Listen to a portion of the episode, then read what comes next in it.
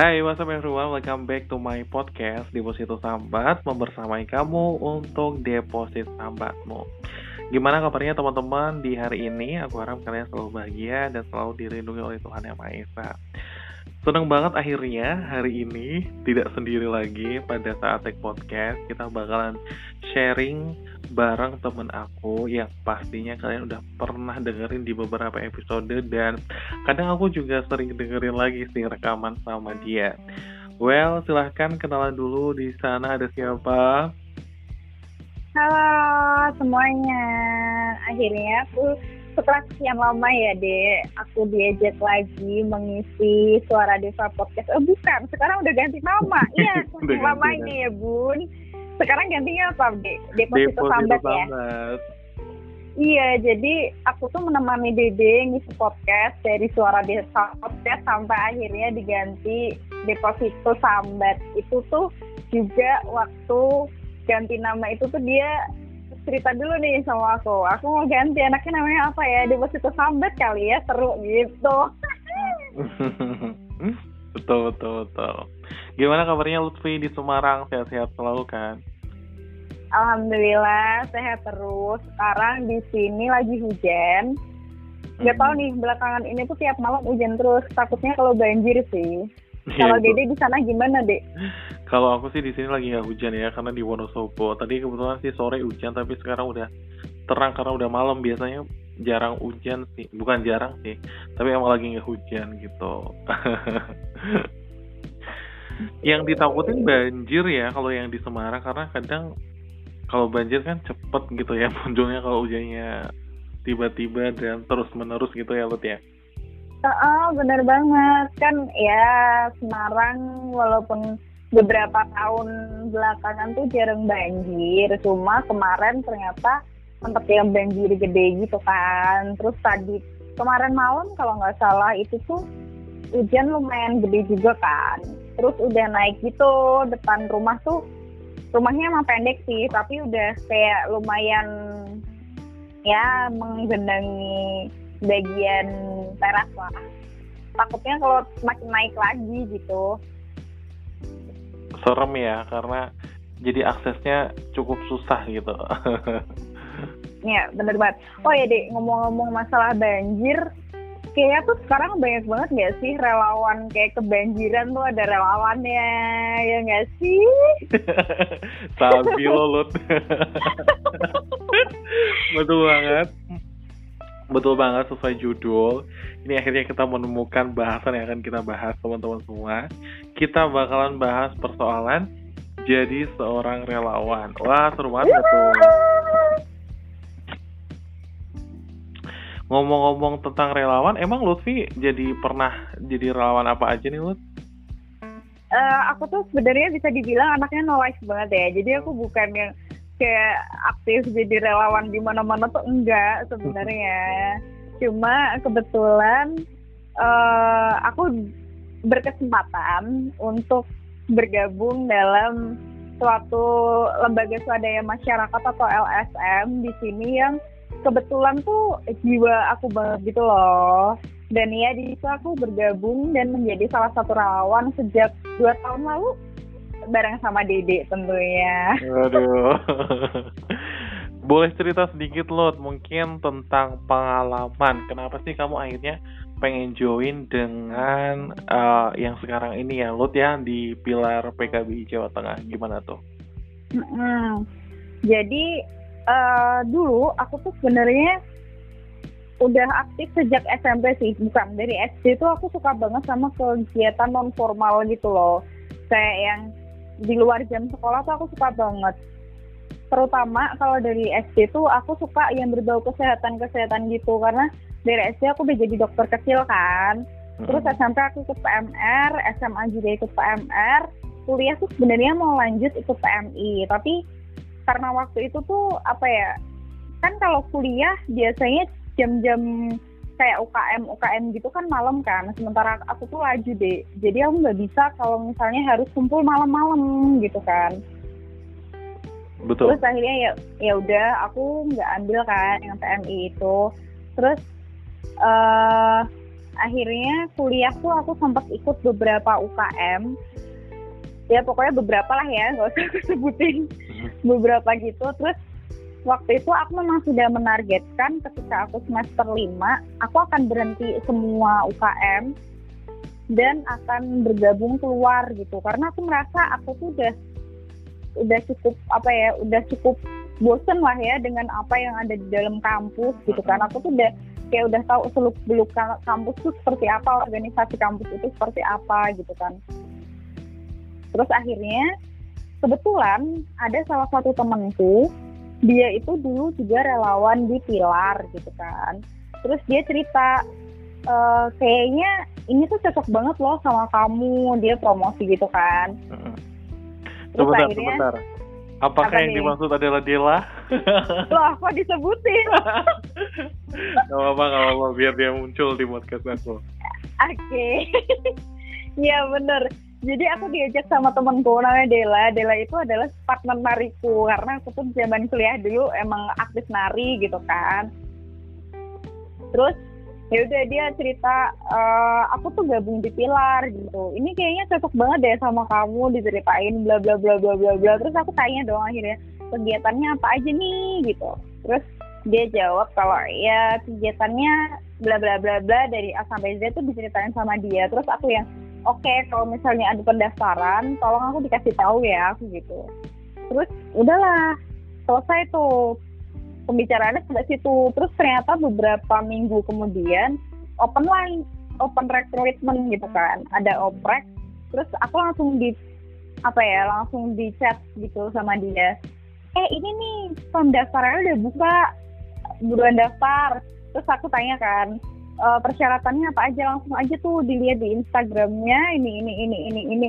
Jadi tuh aku sebenarnya nggak tahu pilar itu apa terus dia itu bergerak di bidang apa dan aku tuh gak nge-follow.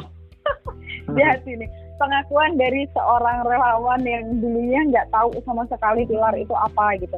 Aku bahkan nggak kepo sama kegiatannya mereka tuh apa gitu.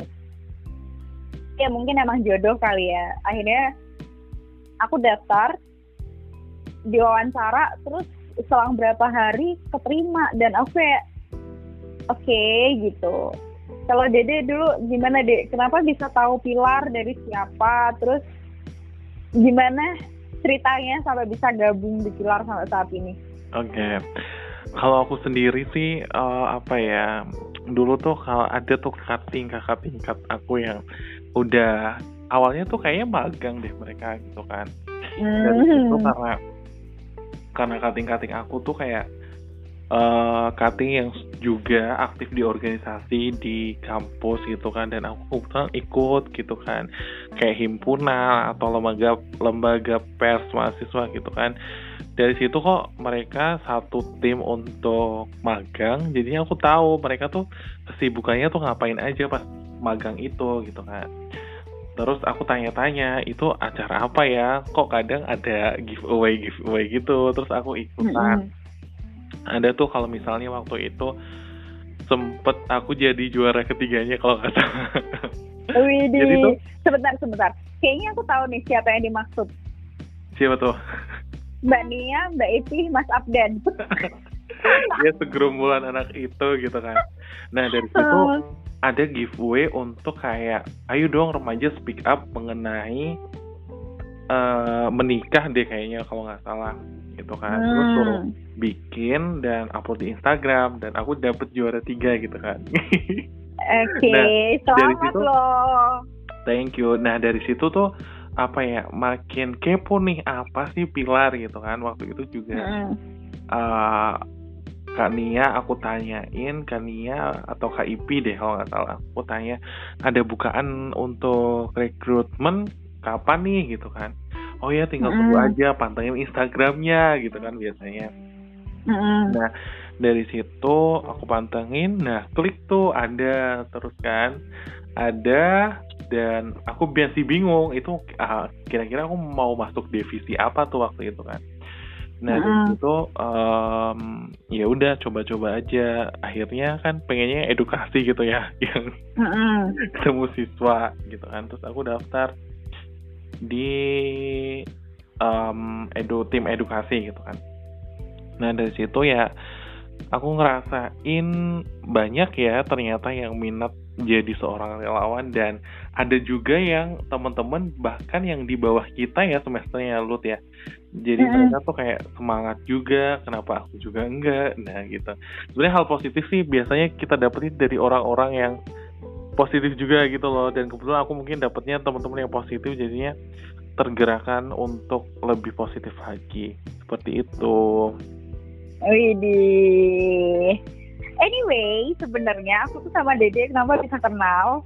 Ini aku ceritain ya, Dede. Aku belum pernah cerita sih ke siapa-siapa. Hmm. Jadi, dulu aku tuh ingat banget.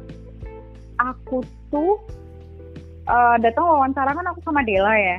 Hmm karena Dela kan udah jadi relawan jadi jadi dia tuh datang langsung masuk ke dalam ruang kantor gitu kan sementara aku tuh di luar sendirian yeah. aku nggak ada teman ngobrol kan aku nggak ada teman ngobrol karena aku tuh bukan tipe yang kayak begitu ketemu langsungnya hai gitu tuh enggak aku tuh akan diem dulu gitu loh karena aku kayak apa ya aku tuh merasa canggung ketika harus memulai pembicaraan terlebih dahulu gitu apalagi hmm. sama orang asing kan Betul. terus aku tuh ngelihat Dede tahu-tahu keluar dari salah satu ruangan yang aku menduga itu adalah ruang wawancaranya gitu kan.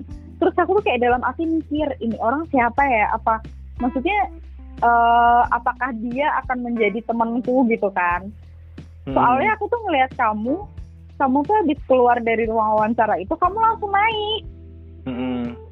Terus kamu turun lagi, oke kayak mikir dia baru tapi kok maksudnya udah bisa kayak leluasa itu loh kayak this is oh, my iya, playground gitu loh iya kan hmm. kamu pasti inget lah itu kayak kamu tuh merasa ini adalah teman taman bermainku gitu loh terus habis itu aku yang kayak siapa sih gitu kan aku cuma mikir gitu siapa sih gitu terus akhirnya setelah itu kan kita kumpul bareng ya setelah ada pemberitahuan kalau lolos gitu kan Mm. Kalau wawancara terus kan kita dikumpulin terus kita satu kelompok kan, Dek. Iya betul. Kamu betul. inget dong, kita satu kelompok terus ke mana-mana pergi bareng gitu kan ke sekolah juga kita bareng gitu.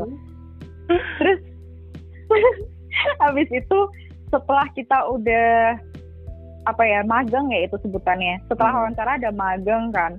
Setelah magangnya ternyata kita lolos juga, kita tuh ada pelatihan untuk salah satu project kan ya mm-hmm. terus abis itu tuh yang kayak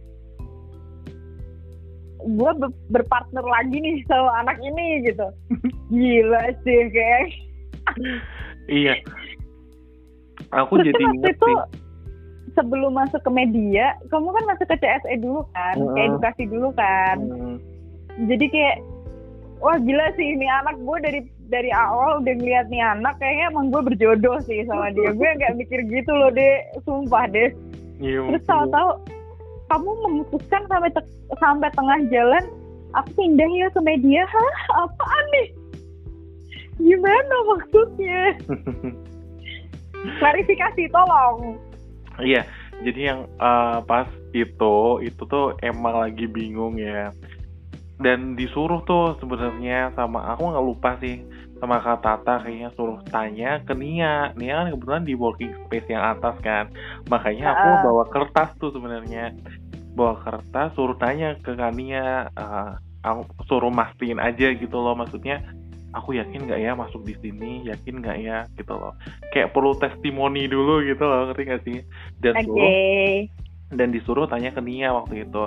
Terus make sure uh, pas tanya ke Nia terus aku kayak step gitu untuk ikutan dan akhirnya udah aku tanda tangan gitu. Nah dari situ dari situ meyakinkan banget nih mereka. Kebetulan kan Kania sama kayaknya KIP juga di atas ya Kak Abdan juga di atas tanya-tanya ke mereka gitu ya udah gitu dari situ hmm, uh, gitu ya kak gitu kan sampai yang aku meyakinkan diri gitu kan. Ya udah ini aku ikut. Dari dari atas aku terus uh, taruh tuh kertasnya di ruang wawancaranya udah gitu kan. Ya udah. Nah dari okay. situ sebenarnya deg-degan juga sih aku diterima nggak ya? Aku paling deg-degan kok kalau nunggu pengumuman gitu kan. Karena antara kalau misalnya eh udahlah aku terima apa enggak? Tapi sebenarnya pengen keterima ya namanya juga uh, uh, uh. Uh, apa ya kita udah berusaha udah yakin nih gitu kan pasti keterima gitu. Makanya aku selalu berprinsip always positif cause negative make you have problem for every solution. Jadi teman-teman tuh harus positif gitu loh. Jadi ketika teman-teman udah negatif ya udah bakalan um, have problem for every solution gitu kan jadinya makanya Uh, uh, uh. mulai dari situ aku meyakinkan diri bahwasanya ya selalu positif ya mungkin ada part untuk uh, overthinking setelah itu kan kayak nunggu pengumumannya lumayan lama tuh Uh, itu uh. sih yang emang harus dilatih polanya tuh emang harus dilatih sejak dini gitu. Nah itu kebetulan kita masuk di satu magang tim magang gitu kan. Itu sih yang bikin kok kamu lagi gitu ya. Nah, Enggak yang situ- begitu ya. dari situ sih emang sebenarnya aku udah uh, wanti-wanti kamu pas waktu kamu ketemu adik tingkat kamu si Doni itu yang waktu kalian kamu jadi Ah, kakak iya, iya. apa sih kakak asuh gitu apa apa sih sebetulnya Iya, jadi tuh dulu eh Doni itu adalah maba kan, mahasiswa Mhm. baru. Kebetulan waktu itu aku ikut jadi kayak apa ya pendamping gitu loh, pendamping ospek. Mm-mm. Dan Doni itu masuk ke kelompokku. Aku kan maksudnya aku tuh nggak tahu Doni latar belakangnya seperti apa kan. Ya aku maksudnya aku ngerti ini anak tuh aktif gitu di sekolah yang dulu. Cuma aku nggak tahu dia aktifnya di bidang apa. Ternyata dia itu aktif di bidang yang sama kayak Pilar Mm-mm, betul gitu. Terus aku kaget waktu sampai sana loh. Don, kok kamu di sini? Iya Uni karena dia kan kebiasaan ya. Maksudnya selama ospek kan dia harus manggil aku Uni gitu. Emang iya Uni soalnya iya karena karena kalau di fakultasku itu tuh setiap tahun akan manggil kayak panggilan kakak gitu loh kakak Hmm. entah itu cowok atau cewek itu tuh akan sesuai daerahnya masing-masing Mm-mm. kalau dulu tuh aku tahunnya aku tuh kayaknya teteh sama AA gitu Mm. Terus tahunnya Doni ini kedapatan Uni sama Uda gitu. Karena aku kan Oh. cewek ya. Mm. terus aku dipanggil Uni gitu. Dan dia tuh kebawa terus Uni kok desa kok di sini? Terus karena maksudnya aku tuh anaknya ya awkward gitu kan sama Hmm. orang sebenarnya. Apalagi kalau lagi di tempat rame gitu kayak oh iya kamu kok, kok, kok kamu di sini? Terus makanya mungkin orang-orang juga kayak oh ini udah kenal nih gitu. Padahal sebenarnya kayak kayak gitu. Iya. Kayak gitu lumayan lumayan krusial juga sih kalau awal-awal gitu ya. Tiba-tiba ada yang eh kamu kok di sini? Gitu kan jadinya emang awkward banget. Iya bener. Kayak aku ngeliat kamu sama Diana ya waktu itu. Kalian Oh. tuh berdua terus yang kayak oh my god oh my god kayak gitu. Iya sih itu best friend aku dari kelas. Terus itu juga gara-gara melihat kating-kating yang udah ini jadi tergerak gitu. Sebenarnya tergerak sebenarnya dari kelas aku tuh lumayan loh ada nggak cuma aku sama Diana waktu itu yang apply gitu kan tapi emang kebetulan mungkin yang em, ya representatif mungkin gitu ya aku dan Diana gitu kan. Nah dari situ ya emang makin ini sih makin klop gitu kan. Hmm. Gitu. Iya sih. Nah ngomongin tentang relawan nih. Apa nih? Oh Nah, pernah jadi relawan apa aja sih selain di pilar ini Lutfi mungkin? Ada nggak nih? Eh, aku tuh sebenarnya nggak terlalu paham ya. Maksudnya pengertian relawan itu seperti apa? Yang jelas setahu aku kan yang sukarela ya. Sukarela sukarela. memberikan energi tenaga waktu pikiran gitu ya. Betul. Kalau sukarela kan berarti eh, ya pokoknya berarti ikhlas ya tanpa mengharap balasan gitu. Kalau aku nggak tahu apakah UKM itu adalah salah satu bentuk kerelawanan gitu. Apakah ketika aku menjadi pendamping itu juga salah satu relawan atau bukan gitu? Aku tuh nggak tahu. Tapi kalau misalnya untuk kegiatan-kegiatan kayak gitu, iya aku ikut. Tapi dalam koridor kampus. Kalau misalnya di luar itu aku belum pernah ikut lagi sih karena maksudnya apa ya aku tuh tipe orang yang kuper gitu loh dek maksudnya kuper tuh gimana ya aku tuh bukan orang yang berinisiatif. Kalau misalnya kalau misalnya aku nggak tahu nih ya udah aku nggak akan tahu karena aku tuh nggak berusaha untuk mencari tahu sesuatu hal yang baru gitu loh. Tuh jadi gue capek gak sih deh aku kebalikannya aku si kepo. Nah itu karena aku tuh maksudnya uh, karena ketika aku udah fokus di satu hal aku akan fokus di situ terus tuh hmm. aku akan ngubek-ngubeknya di situ terus. Hal di luar itu aku nggak akan tahu. Hmm. gitu. Jadi karena waktu itu kan aku lagi bener-bener fokus di kampus ya. Jadi tuh aku hanya tahu kegiatan-kegiatan di kampus. Hmm. selain kegiatan di kampus tuh nggak tahu ada kegiatan apa lagi gitu. Sama ketika aku di pilar kan. Dari di pilar ini aku tahu kayak ternyata oh ada loh kayak rela, uh, bentuk kerelawanan yang lain gitu kan tapi aku selama ini baru tahu tuh kayak yang bentukannya uh, bukan bentukannya sih tujuan dari lembaga tersebut tuh yang kayak pilar aku baru tahunya yang itu kayak yang di luar itu tuh aku nggak tahu. Hmm. aku tuh baru tahu kayak gini uh, teman kita kan di pilar banyak ya dan banyak juga yang aktif juga di kerelawanan yang lain gitu. Kayak misalnya yang di PMI gitu kan juga ada kan.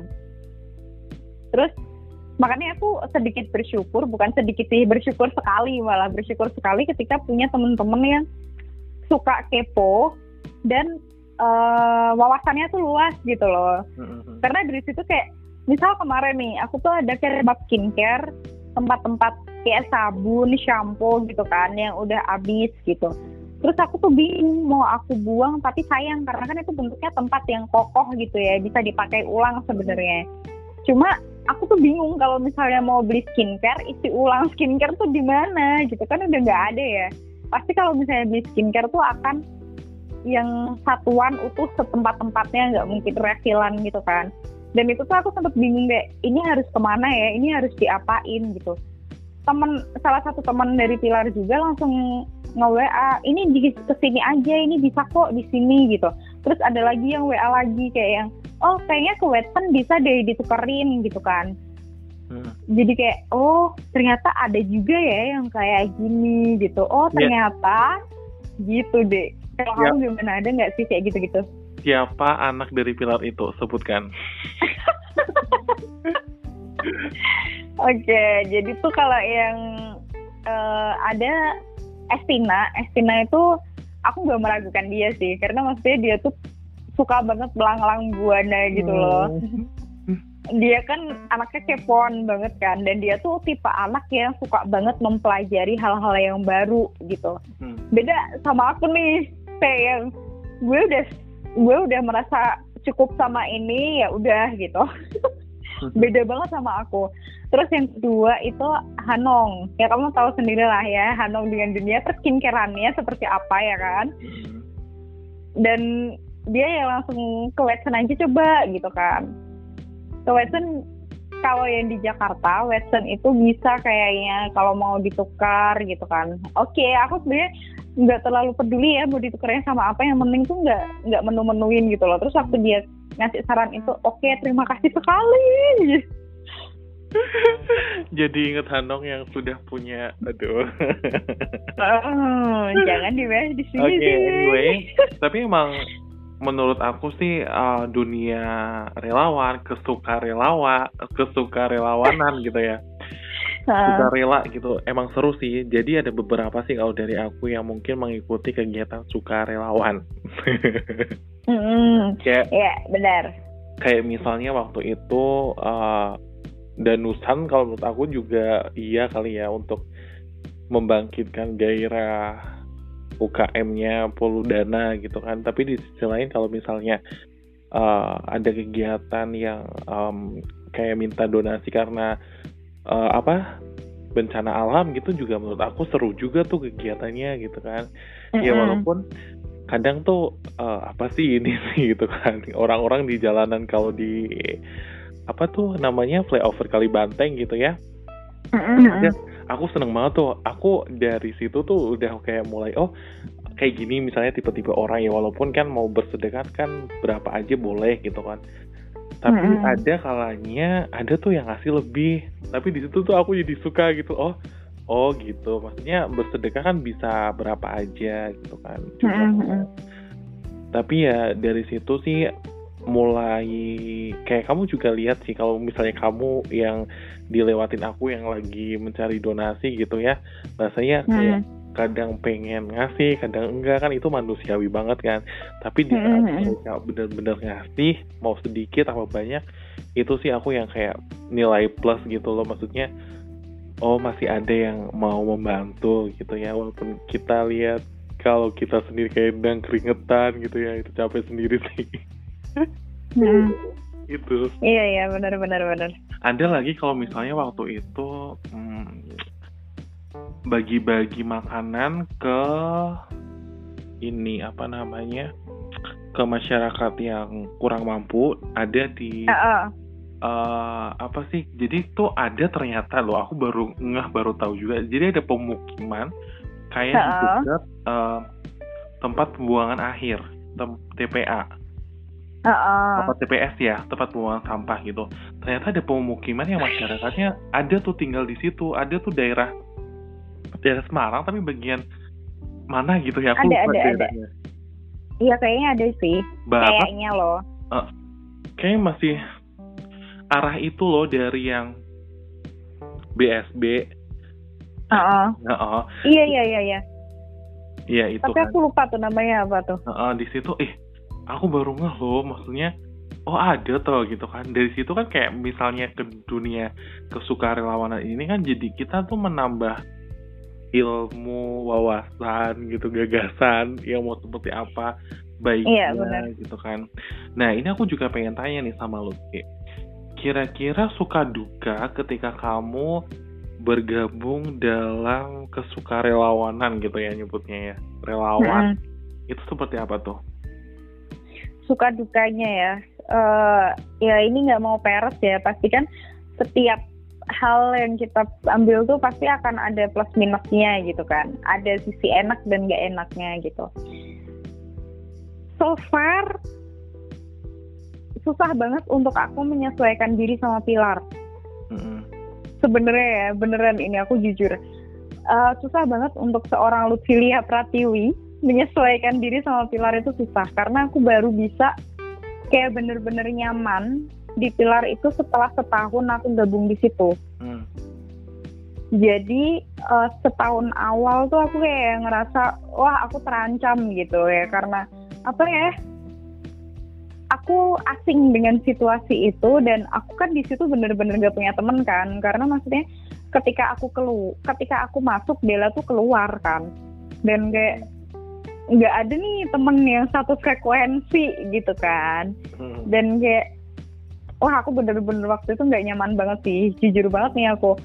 Waktu itu aku nggak nyaman banget karena ya aku merasa aku sendirian. Ya kamu tau lah ya di pilar itu kan hampir 90% adalah anak Win. Emang iya 90%. iya. Iya. Coba deh relawannya lo ya. Mm. ah nggak nggak cuma relawannya ah. Eh, iya kan? Iya. terus kayak yang aku tuh kadang nggak bisa masuk ke apa yang kalian obrolin gitu loh. Apalagi kan maksudnya aku anak aku anak sosial kita sama-sama anak sosial tapi kan jurusannya beda ya kayak yang kalian sosiologi kadang tuh kayak yang jujur ya aku tuh sempat sakit hati waktu ada yang bilang kita kan ansos ansos gitu. Ah apa sih ansos gitu loh? Kalian tuh menciptakan bahasa-bahasa dan kata-kata yang aku nggak ngerti sampai eh, jadi tuh sampai aku merasa kayak iya apa sih kalian kenapa ngomongin sesuatu yang aku nggak ngerti? Gitu loh. Aku inget, aku inget.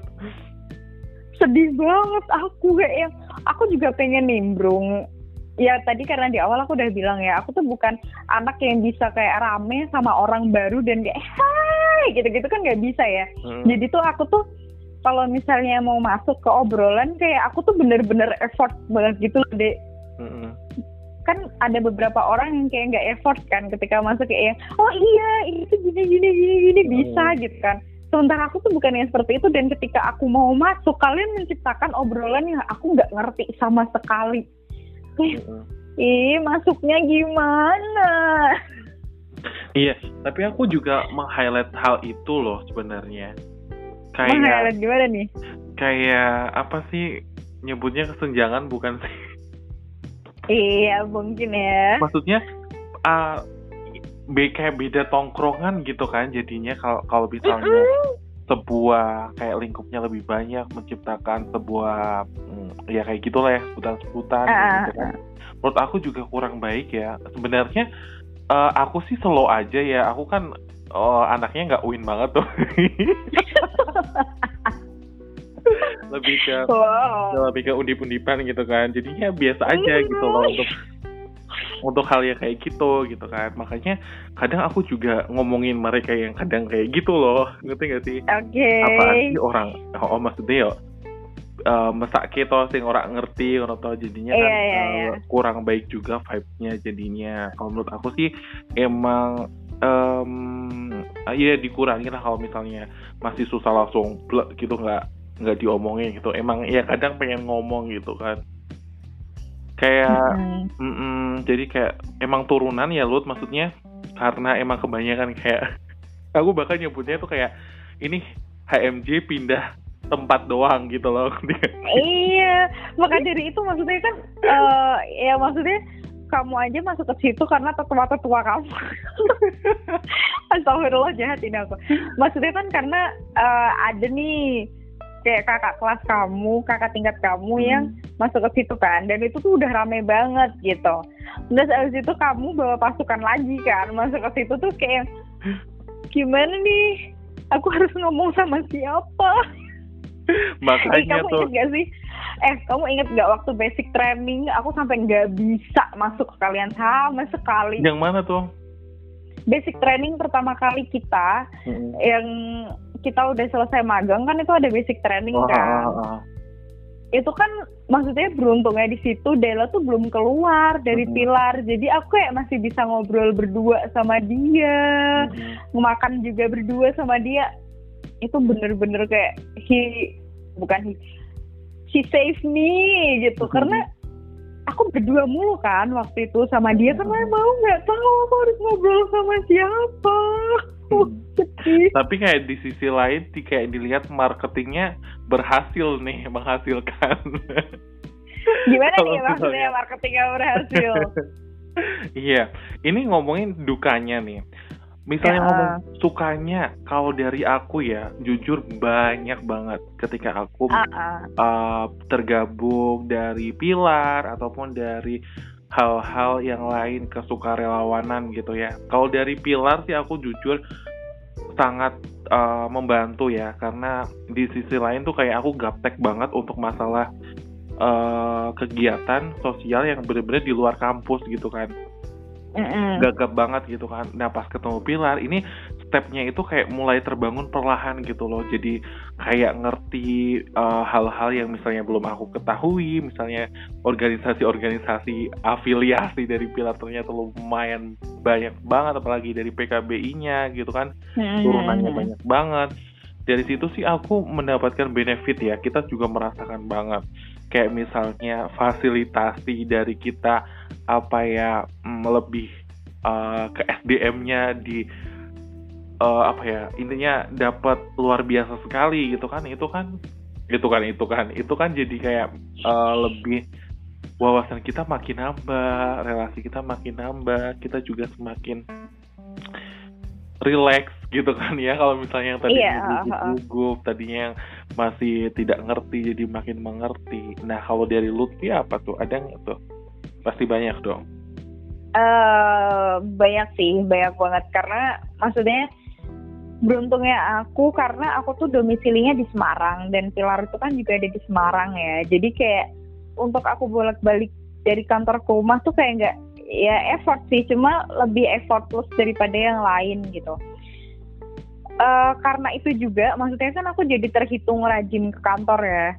Terus aku jadi berkesempatan untuk ikut pelatihan ke luar kota gitu kan kayak ketemu sama orang banyak gitu terus habis itu bisa ketemu sama orang dari daerah-daerah yang berbeda. Terus akhirnya sampai sekarang juga follow-followan Instagram dan kadang DM DM-an gitu kan. Kita bisa tukar pikiran satu sama lain dan aku jadi bener-bener yang dibukain wawasannya banget gitu loh dia maksudnya aku sebagai anak edukasi kan. Anak edukasi tuh harus dituntut nggak anak edukasi doang sih anak pilar itu kan memang harus dituntut berwawasan luas ya apalagi sama isu-isu sosial dan masyarakat gitu kan. Dan itu tuh kayak ngebuat aku oke okay, ternyata uh, koridornya aku tuh baru sampai misalnya baru sampai di dalam kamar doang nih. Sementara ternyata uh, apa yang kita butuhkan tuh sebenarnya satu rumah loh gitu jadi aku harus keluar dari kamar supaya aku tuh tahu uh, kebutuhannya tuh apa aja sih selain yang aku tahu gitu. Dan itu tuh semuanya bener-bener terbantu banget. Kayak misalnya aku bingung nih sama sesuatu gitu. Aku bisa tanya sama yang lain, ini kalau misalnya gini gimana ya gitu. Misalnya aku lagi butuh, bukan butuh sih. Misalnya aku lagi pengen cerita sama yang di luar Semarang gitu aku bisa chat sama yang di Jakarta gitu. Aku bisa chat sama yang di Bali aku bisa chat sama yang di Kupang aku bisa chat sama yang di Lampung gitu. Bayangin aja maksudnya anak setidak apa ya setidak kepoan ini anak yang males cari tahu ini kalau misalnya nggak nggak join di pilar nggak ikut pelatihan pelatihan di luar kota akan ngobrol sama siapa? Iya gak sih? Kayak yang oke okay, oke okay, kayak gitu loh Iya, yeah, you know what I mean lah, Dek. Iya, yeah, iya. Yeah. Oke, okay, nice banget nih dari Lutfi. Oke, okay, kalau menurut aku ini akan menjadi apa ya? Sebuah kenangan gak sih? Jadi kenangan di masa-masa kuliah ternyata ada tuh yang membekas gitu uh, menuju kenangan-kenangan, tapi ternyata waktunya sudah cukup uh, lumayan sekali. Aku pengen ada closing statement mengenai uh, kenapa sih teman-teman yang mendengarkan ini perlu banget menjadi relawan seperti itu loh. Kalau dari kamu seperti apa? Kenapa pendengar deposito sambat perlu banget untuk menjadi relawan? Gini, relawan itu sebenarnya adalah panggilan hati. Nggak bisa kalau misalnya kamu dipaksa untuk ikut gitu. Ya itu tadi balik lagi karena relawan itu adalah yang suka rela. Ini ya beberapa kali bercandaan adalah suka rela. Relawan itu kadang rela kadang melawan gitu. Hmm. Karena ya memang uh, ada beberapa hal yang mungkin kita harus melawan dan ada beberapa hal yang kayak oke okay, legowo aja nih gitu diikutin aja nih. Dan itu semua tuh datangnya dari hati. Kita nggak bisa kalau aku ikut ini karena ikut ikutan tuh nggak bisa. Beda sama yang lain relawan itu. Karena kalau misalnya nggak sesuai ya kita nggak akan cocok gitu. Jadi ketika memang apa sih sebutannya pendengar deposito sambat deh positor. Oke. okay lupa aku padahal yang menyebutkan aku ya. Jadi mungkin nih positor semuanya kayak udah tahu oh aku ternyata jiwanya di sosial carilah kegiatan relawan yang memang bergerak di bidang sosial supaya eh, positor semuanya tuh oke okay, aku bisa mati-matian nih di sini gitu. Aku bisa dengan ikhlas sepenuh hati karena apa yang datang dari hati itu akan benar-benar menghasilkan sesuatu yang gak kalah indah gitu loh. Wow, luar biasa sekali. Betul betul. Kalau dari Dede, kalau dari Dede, kalau dari Dede. kalau dari aku sih, aku tim nyemplung dulu baru belajar sih. Jadi okay. uh, coba aja dulu, mulai aja dulu ketika memang ada kesempatan, ada waktunya, dan teman-teman insya Allah mampu untuk mengikuti semua halang rintangnya ya dari dunia kerelawanan, suka relawan gitu ya. Itu mm -hmm. sih kalau aku mulai aja dulu seperti itu. Wah, terima kasih sekali untuk Lutfi yang sudah membersamai kita dalam episode kali ini. Kita mohon maaf banget apabila ada salah-salah kata dalam episode hari ini ya teman-teman. Semoga teman-teman ambil yang positifnya saja, hilangkan yang negatif-negatifnya. Dan dari kita cukup sekian dulu ya Lut ya. Terima kasih Lutfi sudah hadir di episode hari ini. Terima kasih juga Dede sudah dipanggil lagi, dipanggil. Next episode kita bakalan panggil-panggil terus. Thank you Lutfi untuk hari ini. Terima kasih juga Dede. Bye. Bye. Terima kasih semuanya.